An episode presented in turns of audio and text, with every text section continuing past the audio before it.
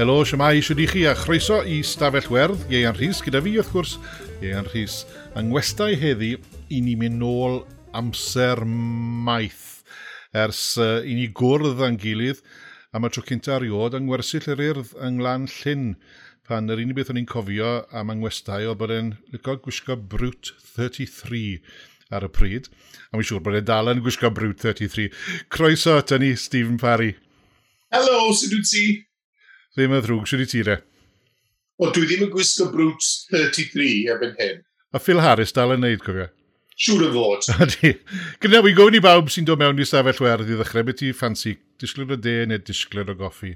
O, oh, definitely coffi, chos mae rhaid mi gael coffi, chos o'n i arfer y gyfed um, te drwy'r dydd yn ym hotel fel babi, a oedd ma, oedd mam yn meddwl bod o'n hen bryd i mi gael gwared ar botel, ti'n mynd, o'n i'n 15 ar y pryd, o'na.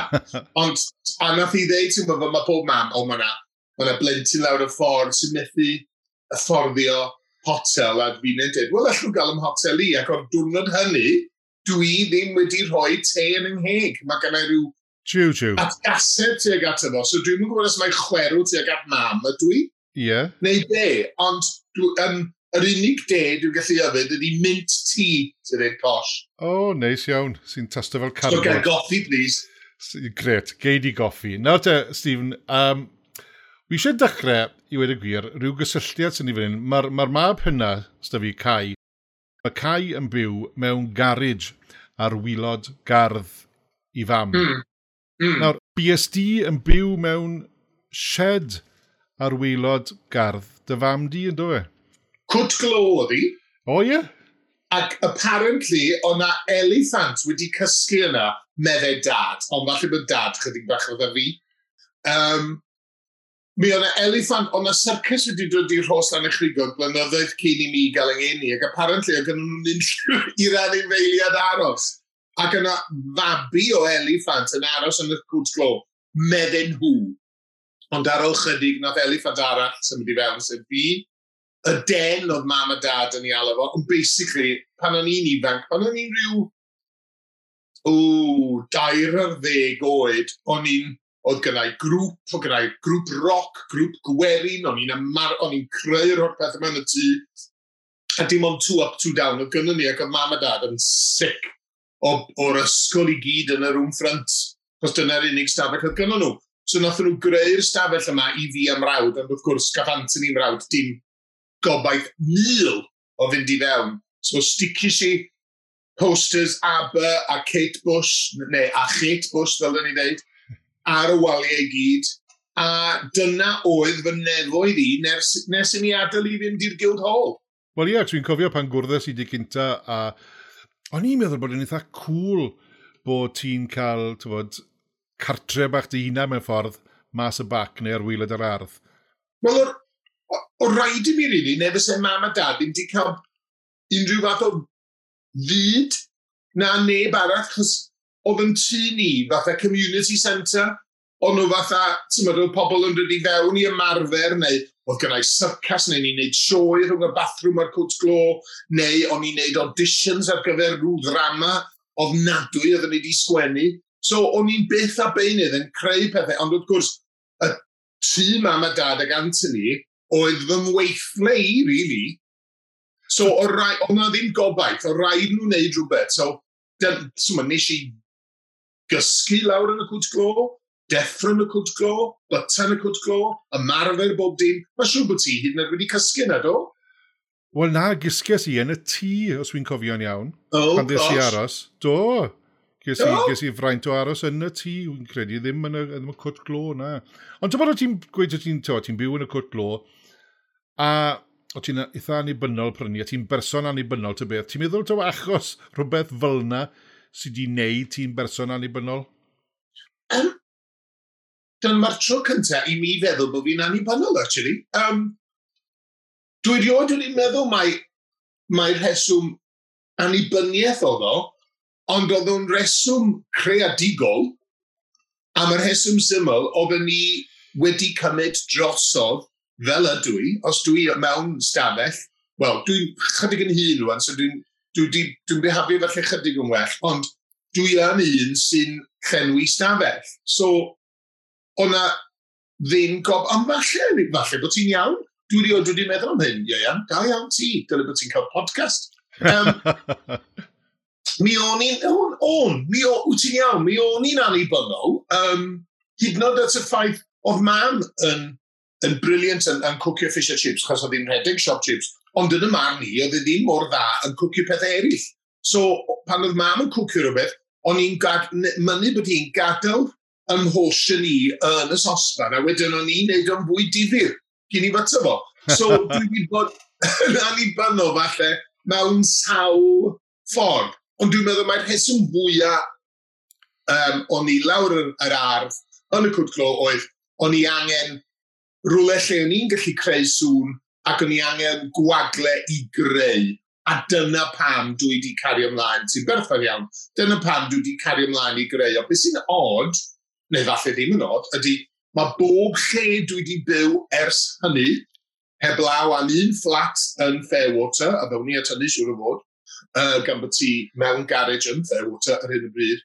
Ond heblaw am y tŷ yn Fairwater, mae bob lle dwi wedi byw yn Llundain, yn Gardydd, mae'n ambell yn... Mae gennau, dwi wastad wedi creu rwle tu allan hefyd.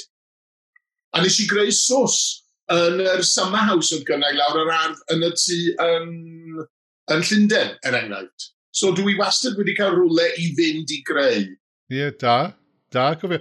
Wel, sôn am fynd i rwle, es di wrth gwrs i Llyn Tegid, gyda'r urdd i Lan Llyn, a hefyd i Lan Grannog gyda cwmni drama'r urdd.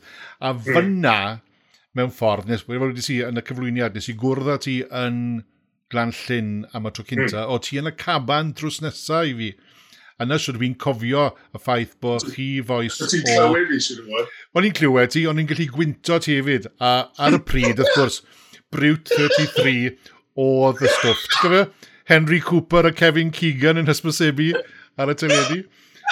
A oedd rhywun fel fi o Aberdar yn wedi gweld neb oedd yn iwso Brute 33 o'r blaen. Ond wedyn ni ar ôl... Mae'n drewi o chwys, dwi? Dal, dal, dal i wneud. Ond wedyn ni wrth gwrs yn Llangranog gyda cwmni drama'r urdd mm. um, cynnyrchiad uh, y Brenin Arthur. A wy'n mm. credu taw er bod ni'n nabod yn gilydd o glan llyn, wy'n credu ar y cwrs drama yna, dethon ni'n uh, ffrindiau penna, o ti wrth mm. gwrs yn ware Mr Myrddin, mm -hmm. a o'n ni wrth gwrs yn ware Medrawd. O'n i'n edrych fel wal ar y llwyfar, ac oedd y costiwm yn edrych fel wal. Ti'n newid diw! Ond nes, nes i sawl un o'r rheina yn dofyn sawl un o'r dramau'r urddaw. Wi wastad yn gweud, er felly bod y cynderchiadau ddim yn arbennig o dda, reit, pryd ti'n edrych nôl, oedd y profiad gethon ni fel pobl ifanc yn cael teithio Cymru a performio yn theatrau gorau Cymru yn, yn anhygoel, a na i byth, byth, byth anghofio'r profiadau yna. Na, dwi union un peth, a dwi yn anghytuno efo ti, dwi actually meddwl, i feddwl bod ni ond wedi cael wythnos o marfer, ac oedd mi oedd hi'n brofiad briliant, Ond oedd safon rhai pobl, er enghraifft, Sean Blinking James, oedd hi yeah. mor, mae, fel mae, mae'n mae, mae diriod wedi bod yn ddim byd llai na perffaith yn y marn i, ond oedd hi'n troi fyny'r ymarfer gyntaf wedi dysgu bob gair yn bob nodyn, a fi yeah. ddim yn cofio enw'r sioe pan o'n i'n troi fyny. a, ond, oedd y safon yn aruthrol, ond fel wyt ti newydd ddeud, o ran profiad, o'n i, o'n i'n obsessed efo, dyna, hwnnw a'r pethau fel Clwyd Youth Theatre a cynrychiadau ni'n neud yn Ysgol Morgan Clwyd, oedd y mywyd i i gyd, dyna oedd y mwyd i, o'n i, o'n i methu cael digon ohono fo.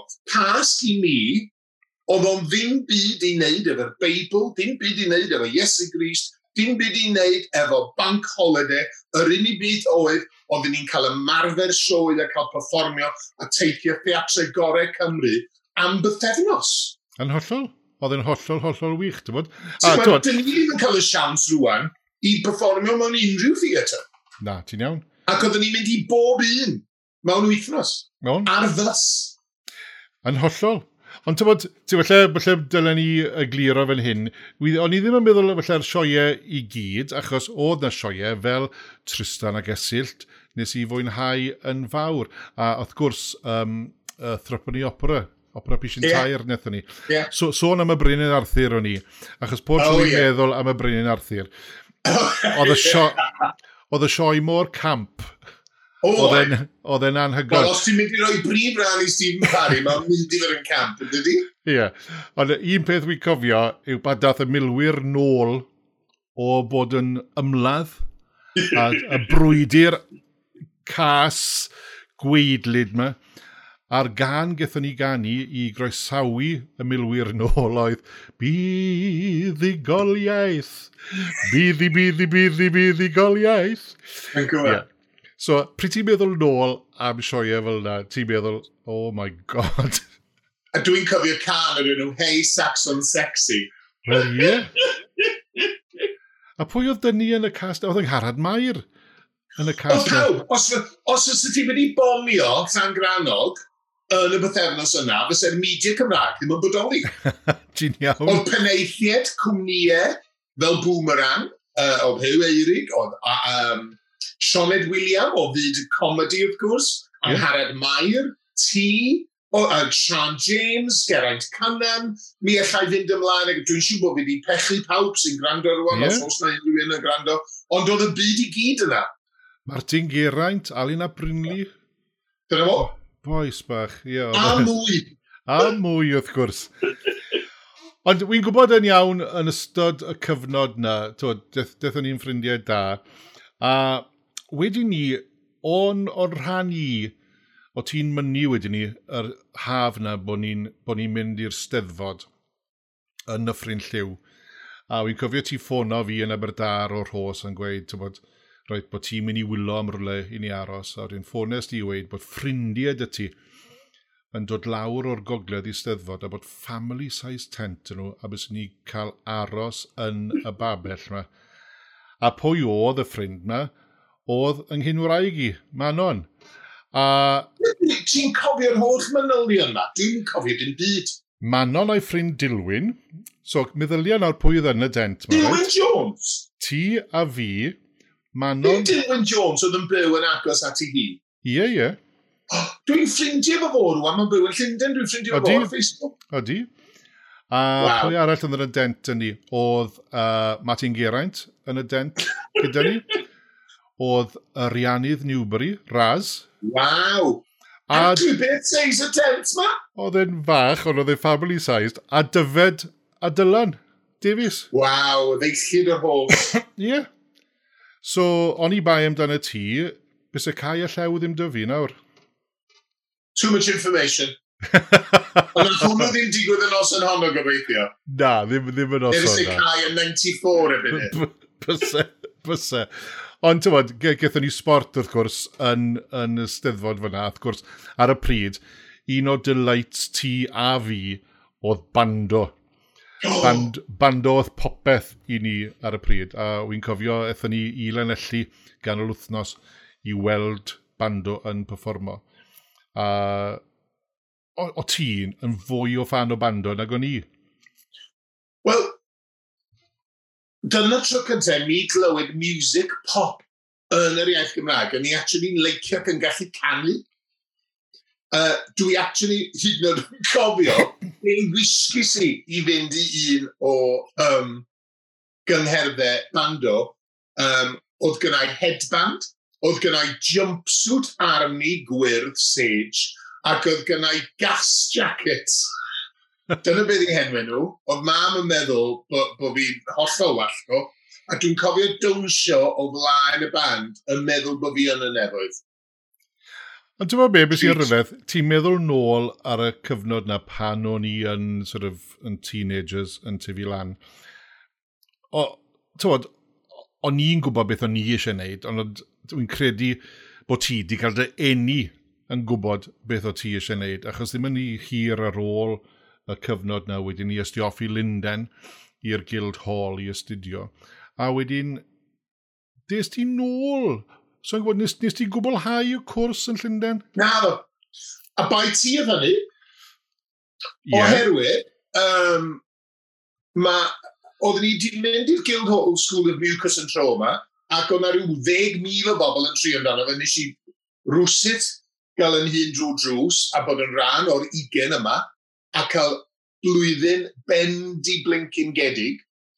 A wedyn, o'n i'n siarad efo ti, neu efo ti, neu ar y ffôn neu rhywbeth, a nes ti dweud, o, o, oh, wi newid cael audition ar gyfer um, um, coleg. Be di awd coleg, meddwl i? O, oh, cyfres newydd TV. Ac yn Scottish, da ydy fyna. Dyna pan dwi adre neud dim. Um, a Ac o'n i'n meddwl, well, os dwi'n bod cael audition ar gyfer coleg, dwi eisiau. So, dyma fi'n dweud ty tar y ti ar y ffôn yn reit handi, ac yn ffonio HTV a siarad, o ti di rhoi enw'r rhaid yma i ni. Um, a dyma fi'n ffonio hi, a dyma fi'n dweud, um, helo, os ti'n paru di'r enw, dwi'n fyddai yn gardydd mewn pethefnos, dwi'n y Guild Hall ar hyn o bryd, a falle fes yn syniad bod fi'n dod draw i'ch gweld chi ar gyfer y gyfres coleg. A nath i ddweud, o'n anffodus, um, dwi'n ni wedi gweld pawb yn mynd. I meddwl fi, ond dwi'n dod i gardydd mewn pethefnos, a um, dwi'n y gild hall ar hyn o bryd, ac um, jyst o gom sy'n ar ryw ran addas, dwi'n meddwl dylai bod ni'n cyfarfod yn ythyn, na, fel dwi wedi egluro. I meddwl fi, a nes i mlaen ac ymlaen ac ymlaen fel ydw i, a munud nesaf, dwi jyst yn cofio um, tymer y rhaid yma jyst yn mynd, oh, tro ring i mi pan wyt ti yn Gardydd. So, mi nes i, a nes i dros, droi fyny, a dyma fi'n cael yn, um, yn hebrw i'r um, stafell anferth yma, lle ne ddyn yn y cornel yn, yn sort of twitchy gyd, ac o'n i'n meddwl mae'r dyn yn mor nerfus. So dyma fi'n dweud, ydych chi'n nerfus? Na, mae'n dweud, ma. o, mae'n fi, so pa ran ydych chi'n gobeithio cael? A nath y droi at y fi a dweud, fi di'r cynhyrchu. Oedd ei e ofon ti? Oedd! Ac, um, a ma, oedd o'n gariad y ddyn. Um, a mae e dal yn ffrind da i mi. A um, Graham Jones, y cynhyrchydd, a mi roth o'r rhan y Village Idiot i mi, believe it or not. A ges i ran Owen rhywbeth. Owen, dwi'n yn cofio, mae dwi wedi hen.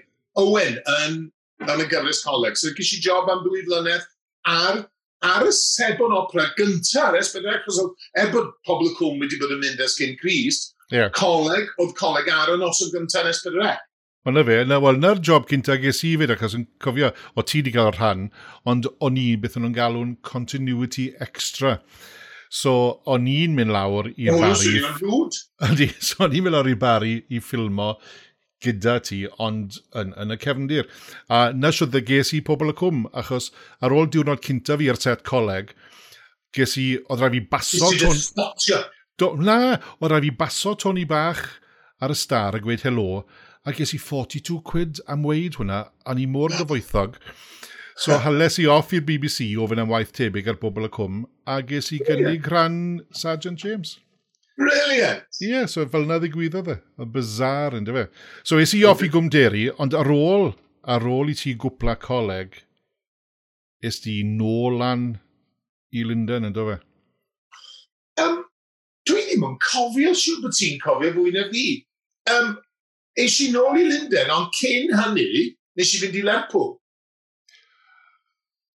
Cyn, cyn uh, uh, West End, o dadle West Ham. No, chas be ddigwyddodd, oedd yr un un noson a, a, a, a ffenod gynta, ysgusodrwch yn rhaid llais, a ffenod gynta um, coleg ar S4C, e, sef y sianel newydd, lle oedden ni wedi sticio stickers ar gas heater mam, a dweud, ma sianel yr ydewyd am flynyddoedd, a wedyn gathon ni'r blincyn sianel yma. A nath, o'na opera sebon Saesneg yn, yn cychwyn yr un un amser, o'r enw Brookside. A oedden ni wedi dod yn ffrindiau mawr iawn, iawn, iawn, iawn efo um, myfanwyd talog, wrth gwrs. A nes i brynu fflat myfanwyd talog yn Fairwater. Ac ar ôl i ni orffen y gyfres coleg, nes i wneud lot o waith theatr um, yng Nghymru ac yn Lloegr. A dwi'n cofio yn glir eistedd yn cross-legged ar yn siagpail carpet brown efo hangover yn gwylio yr omnibus o, o Brookside ar Fory Sadwn, ac oedd, oedd y, y teulu Collinses yr o'n yn Potsian, ac oedd gynnu nhw fab yr enw Gordon, ac fel ym mhob soap opera, mae un actor yn penderfynu gadael a maen nhw eisiau cario ymlaen efo'r cymeriad, so nath nhw yrio off i Frank, a ddoth o'n ôl yn ginger ac yn gay. ac pan ddoth o'n ôl yn ginger ac yn gay, nath nhw, nath nhw ddechrau trafod i gariad o yr enw Christopher Duncan. A dyma pryd dwi'n cofio eistedd yn transfixed ar y carpet yma, yn Fairwater, yn meddwl, ta beth pwy na nhw gael i chwarae'r cymeriad yma, Chos nath nhw drafod y cymeriad am flwyddyn. Sort of, nid continually, ond, yeah. ond ond o'n ni drafod a lot.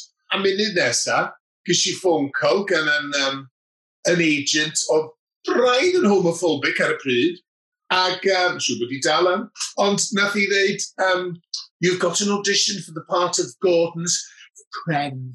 a nath i ddeud y gair friend, fel fysyn mam yn dweud y gair hysterectomy. a dyma fi just yn meddwl, o, dyma ni, fa, dyma fi'n mynd i gael go o fod yn Christopher Duncan a nes i droi fyny. Ac yna gant y mil o bobl efo'r un un um, ddelwydd y fi, oedd pawb wedi cael gofyn iddyn nhw mewn rip jeans, leather jacket a spiky hair. Ac uh, ges i'r rhan um, hwnnw am benod ac o'n i yna wedyn am dwy flynedd. Wow. Wrth y modd. So ti'n meddwl bod y ffaith bod ti wedi bod ar coleg wedi helpu ti i fynd i sebon arall? Oedd um, y ffordd nhw'n gweithio yn eitha tebyg? O, oh, oh, dwi'n dwi meddwl nath o helpu fi gael y job, ond nath o really helpu fi wneud y job. Yeah. Um, cos oedd Brookside ar y pryd i gyd efo un camera. So oedd o fath o gwneud ffilm, oedd o'n cymryd wythnosau i wneud penod. Yeah. Oedd hwn pan yna ddau benod o'r wsos cyn bod nhw'n mynd yn osweithio. Ac yeah. oedd gynnu nhw be maen nhw'n gael yn steady cams, fe oedd bob dyn camera yn cario'r camera, ond oedd y camera yn 8 stôn ar y pryd, dyna pa mor hir yn ôl oedd hwn. Yeah. Ond nhw ddim fel yn haid Ti'n sy'n dda plu rwan. Oedd hwn yn drw, oedd hwn fath sach a datws o bob cameraman yn, yn A&E bob pnawn bron, ti'n gwybod? Ond o ran continuity, um, sef i bobl sydd ddim yn deall hwnnw, ydy pan ydych chi'n neud y golygfa a falle'n byta fish and chips er enghraifft, mae'n eich chi gofio faint o chips rydych chi yn eich ceg pa amser ar ba lein, achos maen nhw'n mynd i wneud yr olygfa o, o, ongl arall, a mae rhaid iddo dorri at ei gilydd. Wel, o'n i'n giamster yn neud hwnnw, ond dim ond cheek um, oedd yr ffaith bod fi wedi cael y job, chos efallai ddim did y stori yn ei chyfanwaith, chos mae o'n rhy rŵd ar gyfer y, yr um, podcast yma. Ond os ydych chi eisiau gwybod y stori iawn, efallai chi brynu'r llyfr, neu dydi weldi yn yn sioe, os na i byth wneud y eto. Ond, o mi nes i drio dysgu ac yn um, um, Liverpudlian, achos dwi ddim yn dda iawn yn y tacenion fel wyt ti wedi allan yn barod. Ac um, nath rhywbeth ofnadwy o embarrassing a doniol ddigwydd pan nes i gyrraedd yr audition, achos o'n i wedi bod yn ymarfer y frawddeg mwyaf rŵd ar wyneb y ddeiar yn y toilet ar y tren am 5 awr a hanner yn trio peidio gorfod prynu tocyn ac yn dysgu yr, yr acen Liverpudlian. A pan nes i gyrraedd yr ystafell, yn Brookside, lle oedd um, Phil Redmond fod creu'r uh, Brookside a, a bob dim arall, bob oedd yn freni yn y byd teledu ar y bryd. Oedd yn gyfri fel am Grange Hill hefyd? Do, do, a um, Hollyoaks. Ie. Yeah. A fel o'n i'n mynd i eistedd yn efo'r brawddeg rŵd yma yn troi yn ymhen yn barod i performio'n Liverpudlian ac um, fel ti'n gweld, dwi'n dal ddim yn gallu gwneud o. Ac um, mi nath, nath o ddweud, oh, by the way, your character's Welsh. A nes i ddweud, what? I've just spent five and a half hours in, in a toilet of a train learning your bloody language, medde fi. and nes nath o ddweud, oh, give us a bit. And nes i ddweud, oh, I can't, it's too rude. A nath o ddweud, oh, go on. A nes i ddweud, oce, okay, ac ar, ar, ar fywyd mam, fel nes i gymryd anadl mawr i ddeud y frawddeg mwyaf rwyd ma, sydd yn yn lladd i bob i methu dweud ti. Um, ond, wyt ti wedi clywed y stori mae sawl gwaith beth bynnag. Ond fel nes i fynd i ddeud y frawddeg, oedden nhw'n recordio'r audition a nath y camera syrthio off y tripod. So nes i fath fatha performing seal, landio ar y llawr efo'r camera, edrych syth i fewn i'r lens, a deud y frawddeg, ofnadwy y rwd fa, a gysi gontract dwi'n blynedd. Amazing. Amazing. Wel, ddim really cheek fwy na di, ond ti'n mynd. Wel, mae digon o hwnna dy ti, dos e? Fel ys ysdi brofi gyda coleg. Tywed, a neb sy'n gret. Oes, oes, oes. O'n i di dechrau dysgu di fan, sut i gael jobs. Ie. Yeah. Tywed, ers i fi ddechrau'r podcast, mae ti di bod yn ffôn a fi bob dydd eisiau bod arno fe. Ond... o'n i'n mynd cofio, ei, o'n i'n mynd cofio pwy oedd y ti tita dim awt byd. o, a wrth gwrs, oedd gweithio ar gyfres fel y Brookside, ti'n bod, a oedd y stori di, achos ai hwnna oedd y stori hoiw cynta mewn opera seifon? Ddim y stori hoiw, ond y gisan gynta hoiw ar dyledu Prydeinig, er bod lot o bobl dal yn meddwl mai EastEnders oedd o. Oedd EastEnders a Hollywood yn y sioe cyn ni, ond Brookside fel arfer, wrth gwrs, oedd Brookside mor cutting edge. Uh, oherwydd bod hi'n Channel 4 ac oedd Channel 4 ar y pryd, a lot fwy edgy na be mae o rwan. Ac wrth gwrs oedd hwn cyn Sky, cyn Netflix. So o'na, tymod, o'na 18 million o viewers yn gwylio bob penod. O'n i'n methu mynd un ma, really. Um, heb het yn ymhen, a, a spectol, ti'n gwybod um, yn sicr am ffaelot yn ôl y bus, cos ond oedd y tîn ennill fwy na ni yn rhan Brookside, oedd Brookside yn talu'n ofnadwy. Ond, ond oedd na, ti'n oedd y PR da, chos yna gymaint o bobl yn ei wylio fo. Ond ie, y gisam gynta hoiw nath landio allan ar y 9 o'clock news, ac wrth gwrs um, y sgwenwyr sy'n ydy ser, sebon, wel, unrhyw drama. Um, a oedd nhw wedi amseru y gusama fel bod hi'n mynd allan uh, ar y teledu yn noson cyn close 28 March. Um, ac oedd Ian McKellen, Sir Ian McKellen, wedi gofyn i mi gan bod fi'n chwarae'r cymeriad hwyl yma, os fyswn ni yn uh, mynd ar y march a siarad. Wel, sy'n rhywun yn gofyn i mi siarad, a ddim unrhyw le. Ti'n mynd sy'n mynd i'r lleia. Ond dwi'n ar y pryd... Siarad yn y tŷ rwan, so dyna be nes i. Ond ar y pryd, os dwi'n cofio'n iawn, o ti di ddim di cyhoeddi i'r byd bod ti'n hoiw? Na, gwyth. Na. So ar ôl bod ar y 9 o'clock news, a, a siarad ymlaen 19,000 uh, miliwn o, o, na, 19,000 o bobl yn, yn, yn Manceinion ar y march, ar World Press o'n cwmpas ni, a deud lanes fatha, don't worry ladies and gentlemen, there isn't a closet big enough for all of us, o'n i'n meddwl, falle bod yn hen bryd i mi fynd nôl i'r hos a dweud wrth Marlin, sef ma. Yeah, da. a dyna be nes i. A, um, ond mae pawb yn dod allan yn ei hamser nhw i hunain. O'n i'n 26, rwan mae lot o bobl dyddi hyn yn meddwl, Acw, o'n i'n meddwl fysa Stephen di dod allan yn dair oed neu di dwad allan o'r groth o singing and dancing, ond wrth gwrs oedd hwn yn yr 80au. Yn hollol. Um, oedd hi'n gyfnod hollol wahanol. Ac er bod fi ond yn 23 erbyn hyn, ti'n mynd, 26 o'n i yn dod allan. Yeah. So wrth gwrs ar ôl dy gyfnod i wedyn ni yn Brookside, dwy flynedd lan yn Lerpwl, fel Sonia sy'n gynnu fach, uh, is ti lan i Linden. Nawr, mm. i wneud, wrth gwrs, y sioe iconic um, lemys, ti oedd yr ail berson i wario Marius, wy'n cymryd. Michael Ball oedd y cynta. Yn Na, dwi'n meddwl o'n alon bus y bobl di wneud o.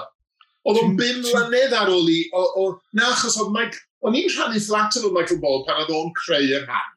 So, dwi'n definitely gwybod mae oedd y gyntaf. Na, wnaethoch chi weithio chi lydd yn Aberystwyth yn neud Godspell? Do, i job gyntaf fo oedd efo, efo ni wneud Godspell yn Aberystwyth. A Don Edwards. A'r, ar ddwy ohonyn ni yn, yn rhannu um, stafell wisgo ac yn hysterical ac yn chwerthu'n drwy dydd yn os. Um, ond nid fod yn chwarae Marius pan nes i gymryd drosodd, um, rhywun o'r enw, o dim yn cofio, ond o roig oedd o'n dŵad ac oedd o'n briliant. So dwi'n meddwl falle o'n nhw bedo neu dim o bobl. O ti'n meddwl be, wy'n gweithio pawb, wy'n gweithio pawb, to ti oedd yr ail, Marius. Wel, cario dîm laen, achos i di ddeithio nhw bod fi wedi creu rhan, a bod Mike wedi gymryd o ddiwrth ei os ti isio.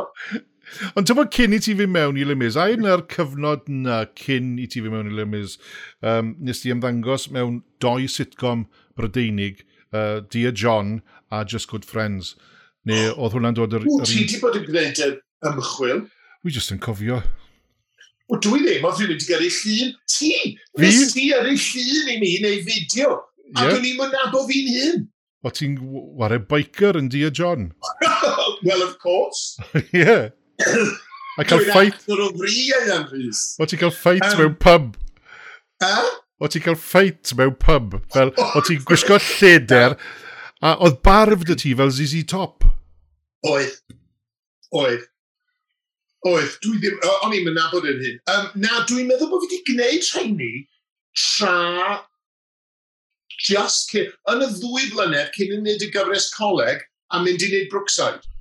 Ond be dwi yn cofio'n glir, a dwi'n wneud lot o fentora um, erbyn hyn, a dwi wastad yn deud y stori yma wrth, wrth yng Nghaen si, chos mae o mae meddylfryd actor mor bwysig, nid just dalent, chos dyn ni gyd yn arbor pobl sy'n hollol di dalent sy'n byth yn stopio gweithio. A mae'n yna rai talentog sy'n byth yn gweithio. Ond dwi'n cofio yn y green room yn Brookside yn deud wrth Kate Fitzgerald, oedd yn Brookside ar y pryd, oedd hi'n chwarae un o'r Cork Hills. Oh. Ac um, dyma hi'n deud, oh Steph, you're leaving, what are you going to go and do, lad? And then she said, oh, I'm, I'm going to go and sing in a musical. Oh, which one? Meddi, and she said, oh, I don't know yet. A nath i ddechrau chwerthin o'n fi. A dwi'n cofio meddwl, pam fod hon yn chwerthin yn ymhen? Dyna she said, why are you laughing, Kate? And nath, nath i ddweud, oh no, it just sounded like you were. But you don't know what music I am, meddi fi.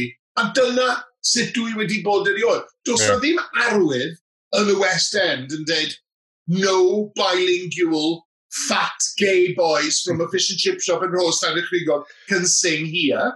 Does na ddim rheolau fel yna. Dyn ni gyd yn rhoi'r waliau mae fyny ac o'n i'n meddwl, wel dwi'n gallu canu, dwi wedi bod yn aelod yr urf, dwi wedi bod ar gwrs dram ar urf, dwi wedi bod yn y mab o fratlon, ella i ganu, dwi'n mynd i ganu yn y West End. A dyna, dyna oedd y mindset. A nes i fynd i gael audition ar gyfer Phantom of the Opera a cael un ar ddeg Rico, O'n i wedi gorfod dysgu uh, sio i gyd, a wedyn o'n i gorfod canu rhyw fore di gwener crasboedd, ac oedd oedden nhw wedi wiclo fo lawr o ganodd y bobl i fi a'r boi arall ma, oedd yn canu fatha blinking Larry the Land yn cofio, a ni'n meddwl, oedd o fatha asyn yn udo, a fi'n meddwl, o, dwi'n siŵr o gael y job ma.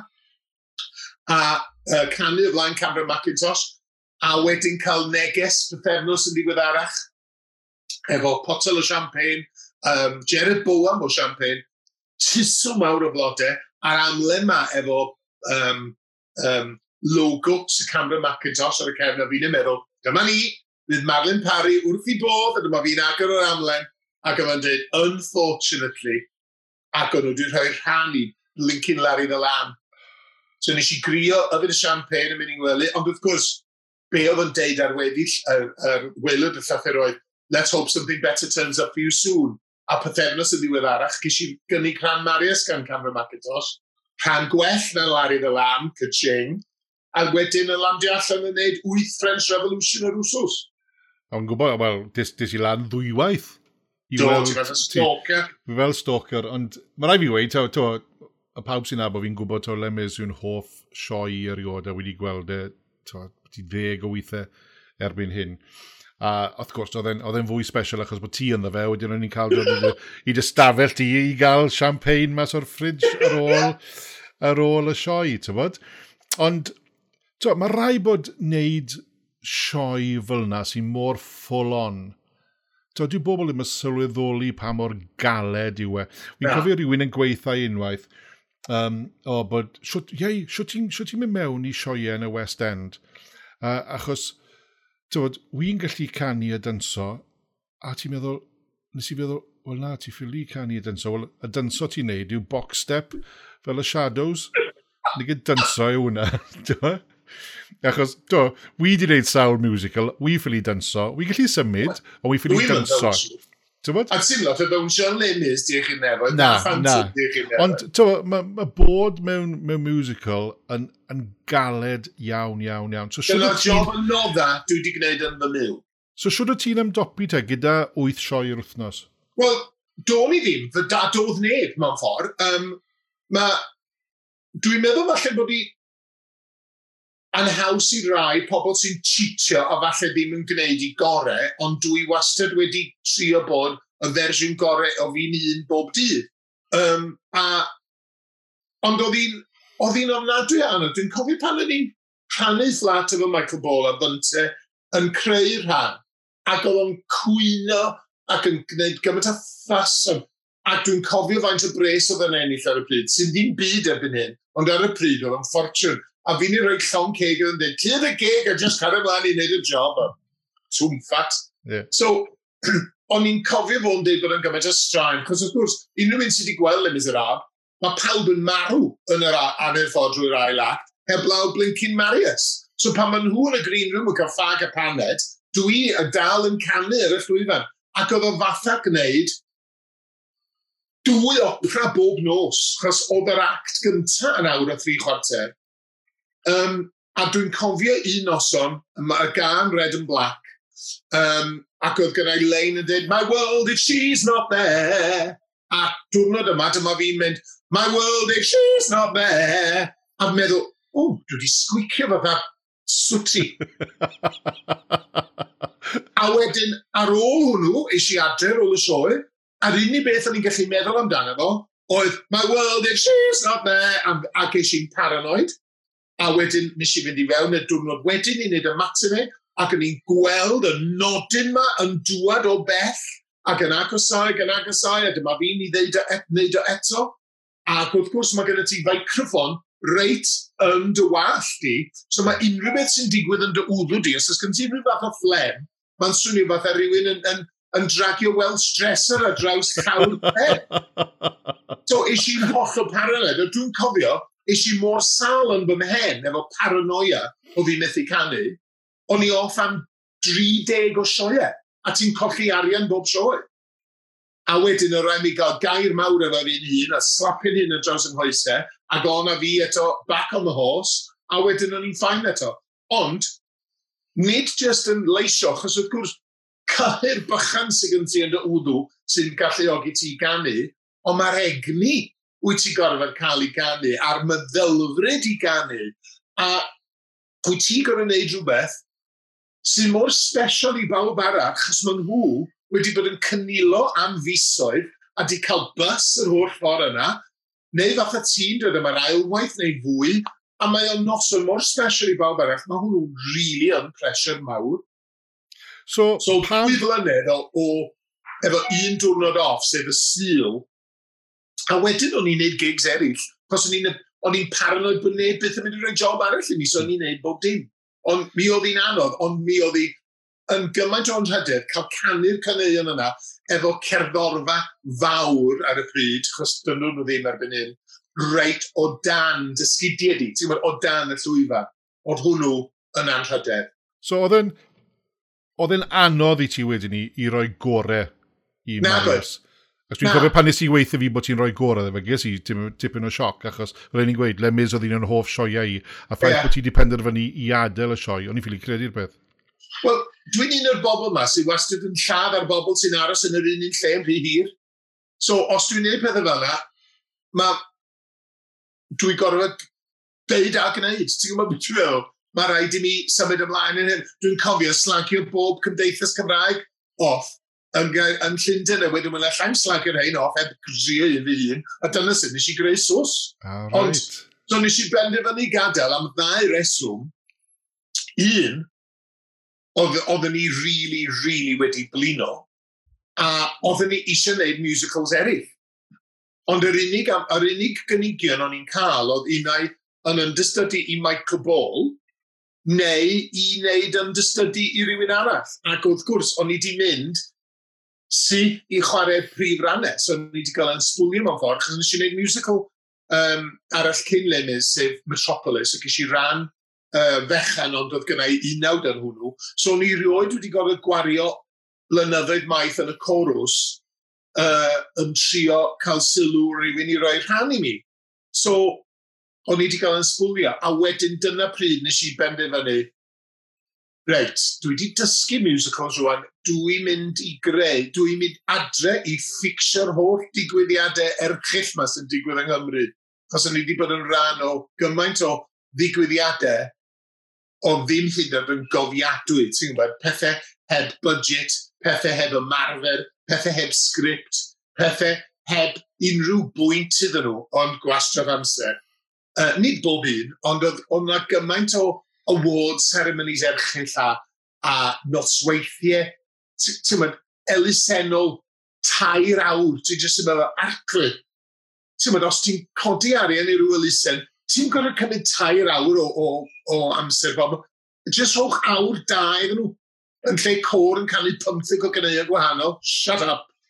So prynu so, ddechreuodd... A prynu ddechreuodd Mr Producer. Ie. Yeah. Ie. Yeah. A ti di bod yn cynnyrchu sioiau wedyn ni ers ni. So pryd ddechreuodd Mr Producer e? Wch, dwi'n meddwl dda iawn am y gorffennol. Um, dwi'n meddwl bod ni, mae'r cwmni erbyn hyn yn 20 mlynedd oed. Ie. Yeah. A y nod i oedd actually creu digwyddiadau cofiadwy, digwyddiadau sy'n ni'n leicio mynd i'w gweld. Ac ar y, mae digwyddiadau yng Nghymru wedi newid lot Ond ar y pryd, mi oedden nhw yn boring. A doedd gynnau ddim lot o waith yn gorau tri yn neud rhywbeth y cofiadwy, chos oedd neb yn cofi unrhyw beth arall. Ti'n gwybod? Um, o dwi'n cofio cael yr her i greu...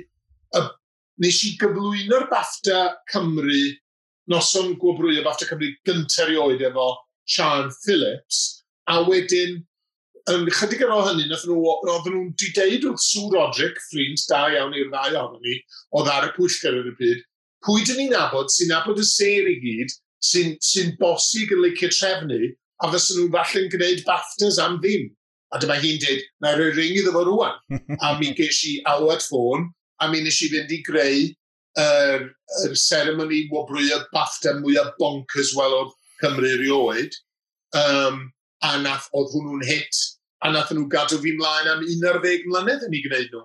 Ni gael hwnna oedd yr un... Ond deg arall am ddim, obviously. Ond ni gael hwnna oedd yr un le oedd cor o blant yn dod mas o ffroc Sian Cothi. Dyna fo, dyna fo. Um, mi oedd hi'n canu um, Queen of the Night, sy'n mynd y gan, hwnnw. Ac uh, nes i benderfynu bod, bod Sian, Sian Cothi Hi oedd uh, Mother Nature, a pan oedd hi'n agor i choesau, o'na dwll mawr yn y llawr yn mynd i agor, a dwi'n cofio deud wrth Rhys Bevan, uh, oedd yn helpu fi efo'r ochr technegol i gyd, oedd yn creu uh, y digwyddiad i mi. Um, nath o ddeud, so, be, be di dy weledigaeth di? Nes i ddeud, wel, nid gweledigaeth ydy, e. be fydd yn digwydd ydy bod yna 240 o blant, maen nhw'n dechrau'n 5 oed a maen nhw'n tyfu, gerbyn y diwedd, Maen nhw'n 18 ac yn 19, a maen nhw gyd mewn dillad flags Cymru fel bod Mother Nature yn rhoi genedigau i'r Cymru newydd. A dwi'n cofio i wyneb o'n meddwl, arglwydd mawr, ond chwarae teg iddo fo, mae bob syniad bonkers dwi wedi cael ers hynny. Mae ma Rhys Bevan yn neud iddo fo weithio. A, Wel, ti'n meddwl, mi agorodd coesau Sian, mi agorodd y twll yn y llawr, a gallan yn nhw, efo bychgyn mewn sarongs a speedos cochwyn y gwyrdd, o BAFTA ddim yn gwybod beth iawn oedd yn digwydd. Wel, o'n i'n ar noswaith na, a ni'n dweud bod yn anhygoel, ti'n bod? Wy'n ffili cofio lot am gweddill y noson, ond... Na! Ar un o dynosweithiau di, ges di ddim yr actual Spice Girls, ond sound and look-alike Spice Girls, ti'n bod? Do. A o'n nhw'n performo yn eitha hwyr yn y noson. So wrth gwrs erbyn ni, oedd pawb wedi cael sawl potel o win. A ti'n bod beth, o'n i'n meddwl tyra iawn yn nhw. That's my boy. Ond na, ti'n bod... Be, be ddyn ni eisiau gwneud efo Mr Producer oedd actually really adloni pobl a mi geis i'r siawns nes dwi wedi gwneud, ti'n dwi wedi bod yn ddigon lwcus i wneud rhai o ddigwyddiadau mwyaf Cymru sydd wedi bod ag erbyn hyn. Dydy Mr Producer ddim yn gwneud digwyddiadau, chos does gen neb geiniog i roi digwyddiadau ymlaen. Os gwneud, gwneud yn iawn, a dwi wedi gwneud y mwyaf, ti'n gwybod? So, dwi'n hapus efo hynny, really. I ti'n colli troedio ar lwyfan? Ydw. A ydw. Um, mi nes i wneud drama Alan Saunders o'r enw Tuck rhyw ddwy dair mlynedd yn ôl. Um, a nes i anghofio gymaint oedden ni'n leicio i wneud o. Ond wrth gwrs, dwi wastad yn performio rhyw, mewn rhyw ffordd, hyd yn oed os di o mewn cyfarfod neu dros baned efo rhywun. Ond dwi yn neud y sioiau un dyn yma, fel ti'n gwybod, dwi wedi bod yn teithio bob man efo, efo rheini dros y blynyddoedd. Ond dwi am meddwl rwan, ar wedi ar ôl y lockdown, dwi'n ffansio wneud mwy o performio. Ond ti'n beth, ti'n sôn am y sioe un dyn mewn awr sydd wrth gwrs yn olrhain dy hanes a dy yrfa di. Ond wy'n cofio gweld ti'n neud sioe un dyn oedd yn lot fwy dwys, sef George, hanes, mm. hanes Emlyn Williams. A wrth yeah. Emlyn Williams yn dod ddim yn bell o'r hos sef ffynon groiw, wrth gwrs. Ie. Yeah. Mae rhaid bod hwnna, chos wi, wedi bod yn meddwl yn y dyddiau yma o bod social distancing a bethau fel un, o, sioi, sioi un dyn falle, ti'n Ond mae'n meddwl sefyll ar lwyfan am awr neu awr a hanner jyst gyda ti y ben dy hunan. So, pryn bod fi'n gallu sefyll ar lwyfan am 5 munud y ben yn hunan a ti'n bwysau fi, ond... So, o'n i'n meddwl am George, mae rai bod hwnna mor, mor anodd i wneud. Mi oedd yn anodd, ond oedd yn un o'r pethau yma, um, o'n i wedi bod yn gwneud pantomime efo Derek Griffiths, ti'n gwybod, fo oedd yn chwarae fe Humble a Big Ted ar... Um, play School. Ie, yeah, Play School a um, beth y llall. Um, play Away. Play Away, da iawn. Ie, yeah. Yeah. Fill the gaps. Yeah. Um, a oedd o di deitha fi, you should do a, a one-man show. A oedd yr hadyn yma wedi aros yn ymhen i, a dyma fi'n dweud, o reit, mi na i felly. A o'n i'n meddwl, dwi angen rhywbeth addas. A oedd um, y cyfarwyddwr nes i ddewis, Derek Collins, wedi deud, um, gofyn i mi i ddarllen y llyfr yma gan Emlyn Williams, sef hanes Emlyn yn fychan nes yr eiliad iddo gerdded ar y llwyfan. So, mi nath Derek, um, ddim Derek Griffiths hwn, ond Derek Collins, mi nath Derek Collins addasydd llyfr yn un monolog, lle oedd gynnau 66 tudalen o solid typed monolog A dyma pan, pan dwi'n mentora, a dyma peth arall dwi'n trio dysgu bobl, ydy mae e allu unrhyw un wneud unrhyw beth yn y byd. Dwi wedi profi hynny fi'n hun. Chos dwi ddim hyd yn gallu canolbwyntio ar farllen un dudalen. Ond nes i ddysgu 66 tudalen, a nes i rioed gael un sill yn anghywir. A dwi'n cofio agor y sioe yn Worthing, a wedyn nes i wneud o'n Llundain. A beth yn od, dim ond dau bwcyn gathon ni yng Nghymru, yn Lloegr oedden nhw eisiau'r sioe rhan fwyaf. Um, nes i wneud o'n y Sherman, a nes i wneud o yn Harlech, os dwi'n cofio'n iawn. Um, ond bob man arall yn Llundain, ond nes i, fel dwi'n dweud, nes i ddim cael sill yn anghywir, achos nes i gymryd blwyddyn i ddysgu'r sioe yn iawn. So, o'n i di, on i di gweithio allan sut oedd ymrein i'n gweithio, ac oedd yn amlwg i mi bod yn, yn os, os o'n i'n deffro'n ddian, o'n i'n gallu dysgu lanes yn gynt. So ni, nes i deffro'n ddian am flwyddyn, a just dysgu tydalen bob dydd, a wedyn yr ail diwrnod, o'n i'n adio tydalen at be oedden ni wedi dysgu ddoe, a wedyn os o'n i'n mynd i'r theatr i weld musical gachu hwch, fel ma'n a lot ohonyn nhw, os yn lle canolbwyntio a, a gwastraffu'n amser, o'n i jyst yn rhedeg y sioe yn ymhen. So, erbyn y nos yn gynta, o'n i fath elastic band yn barod i fynd ping ar hwy'r sioe yma. Ond mi oedd hi'n sialens, ond dwi wrth y môr, ti'n gwybod, oedd hi'n sialens i mi, a dwi fatha, dwi'n glyfleirio wedyn, ti'n gwybod, yn frothing at the gills yn barod i fynd, yeah. Nawr, fel, fel i ni sôn o'r blaen, wy'n wy nabod ti, tywed, os yn un teenagers dyn gilydd, ond wy'n siŵr un cwestiwn wy erioed wedi gofyn i ti, pryd nes ti newid dy enw i'r sillafiad Cymreig o Stephen? O, Oh, falle a... just cyn cyfarfod y tîn. Wel, 15 oed oeddwn ni. A dwi'n cofio meddwl, wel, a'n uffel o enw boring. A fi'n yn gofyn i mam, pam na chi alw fi'n Stephen? Nath i ddweud, o, dy frawd dwi eisiau fe, ni'n thank you very much. Ac o, o na dwins, o na feillid yn, yn yn osbarth Anthony a Susan a Stephen. Oedd e'n, yn nhw, o'n i'n meddwl, fysa well gyda ni cael Susan a Stephen. Ond, o'n i'n pobl yn nabod fi yn hos, obviously, wedi cael, cael mam yn, yn tredig y siop fish and chips gorau yn y byd. So, o'n i ddim eisiau newid yn enw, ond o'n i jyst eisiau newid o rwsit.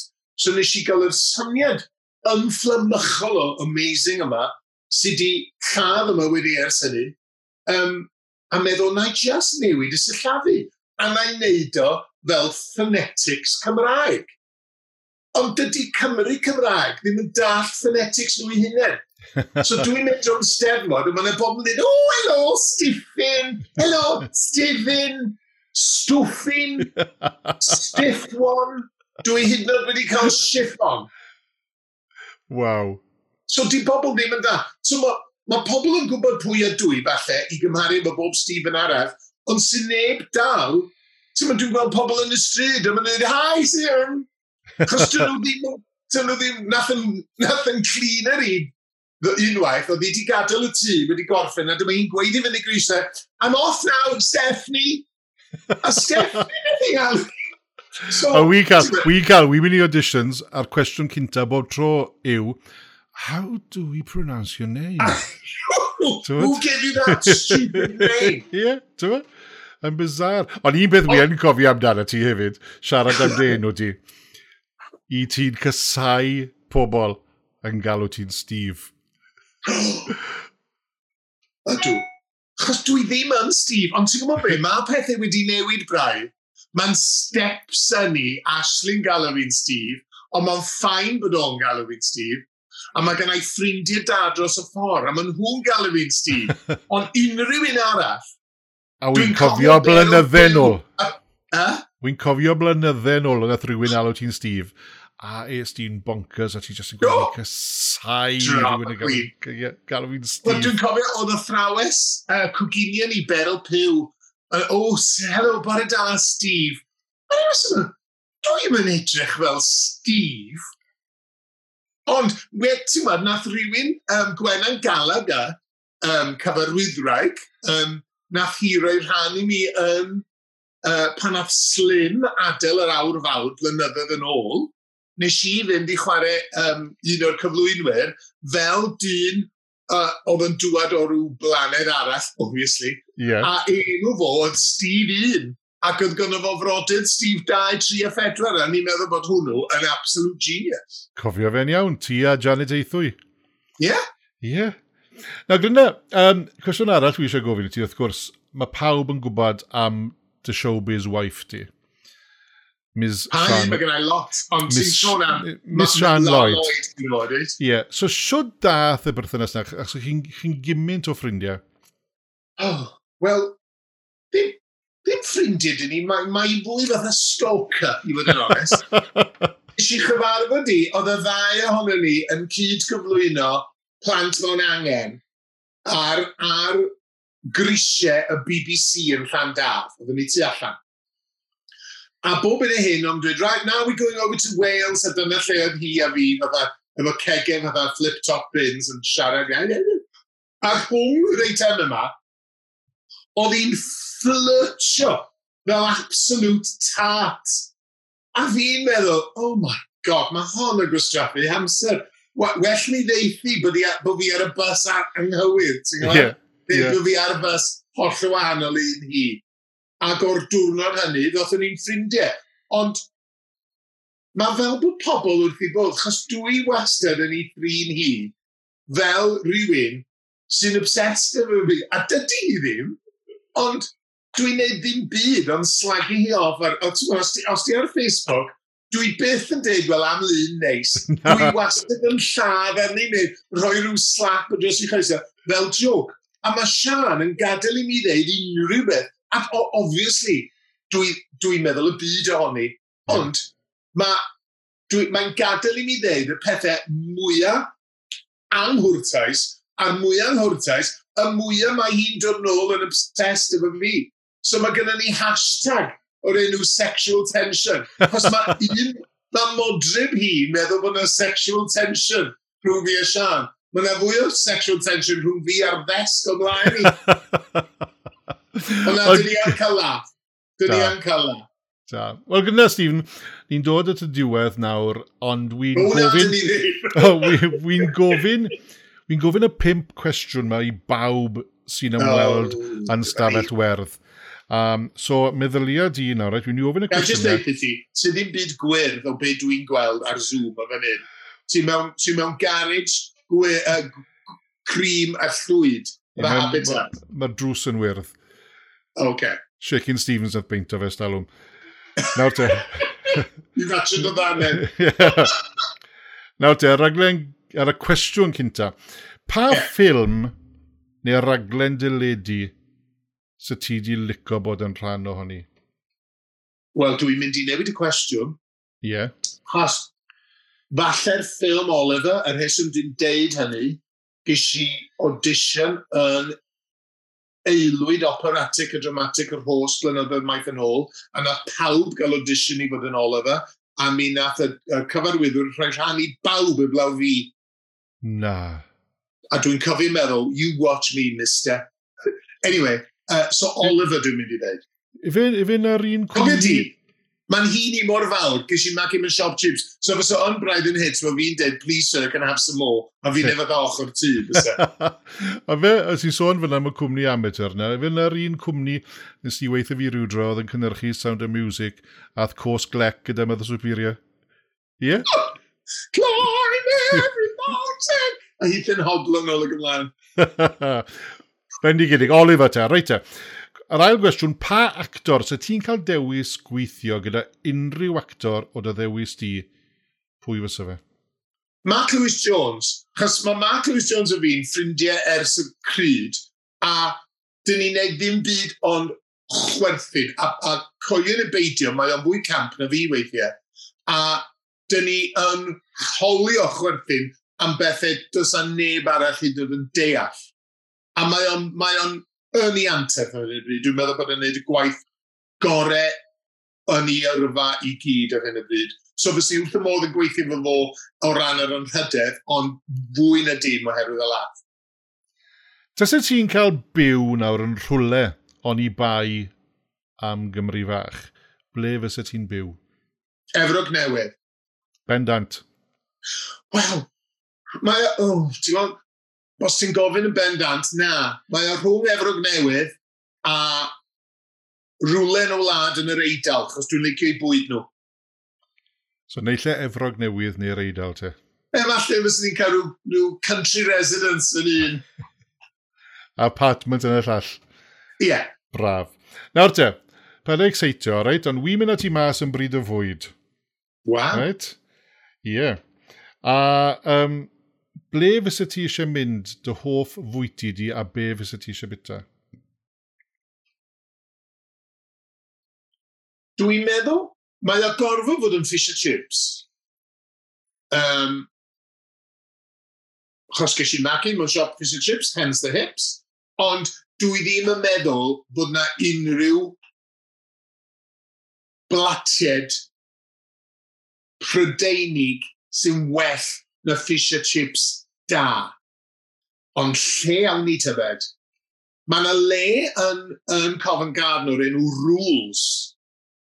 A yr, yr, yr restaurant hynna yn Llundain ydi o. A pan ti'n gweld nhw yn um, Downton Abbey mynd allan i ginio, dyna lle maen nhw'n mynd, chos sy'n rhaid nhw'n wneud unrhyw dressings i lle, chos mae'r lle mor draddodiadol a maen nhw'n neud y bwyd mwyaf bendigedig. A mae fish a chips nhw bron cystal yr hain man. bron. Bron. bron. A'r cwestiwn ola te, a ti di, ti di taro... Beth wedi bod yn barod? O, sglei. Ti'n siŵr? Odw. Pa, pa gyngor bys y ti'n rhoi i actor ifanc sy'n dechrau yn y busnes sydd, neu sydd ar fi'n dechrau yn y busnes nawr? paid byth just mynd i drio dy ore, ceri nôl y job. Dwi'n meddwl bod yna ddyd wahaniaeth yn y meddylfryd yna. Fel, fel pobl, dwi'n cofio ennill pimp cynta yn steddfod yr urdd. Ac o'n i ddim yn, hei, o'n i ddim yn ticio'r boxes iawn, ond dwi'n cofio mynd a just ennill y peth yma, achos o'n i wedi mynd i ennill. Nid mynd i gystadlu, nid chwarae chwarae wrth y rheolau iawn, um, fel y, y dywediad arall sy'n ofnadwy o sicning, ond mae, mae o'n wir, yr unig berson sy'n stopio ti'n neud unrhyw beth, ydy ti dy hun. Um, a, a, ond y broblem ydy, ti dy hun sy'n ar grym mwyaf i stopio ti'n neud unrhyw beth. Ond dwi wast, os dwi eisiau gwneud rhywbeth, dwi'n mynd i wneud o. Nid mynd i'w drio, chos efallai unrhyw un drio. So, Dyna'r ateb. Bendigedig. Wel, diolch yn fawr ti, Stephen. Wi'n falch bod ti wedi ymweld ar stafell werth. Dwi'n gweithio bod ti wedi enjoyo'r y baned y goffi fyna hefyd. Do. A, um, er bod wedi gorau wneud yn hun. Wel, ie, na fe, fel na, fel na i ni fan hyn, Tol. Ond yn grynna na, mae wedi bod yn blesar i siarad â ti a i gofio nôl i'n, in dyddiau ni fel, fel teenagers hyd yn oed, tybod? Os ni'n mynd nôl spel, spel fawr, a mae wedi bod yn bleser siarad ati. Stephen, diolch yn fawr i ti. Croes y tad!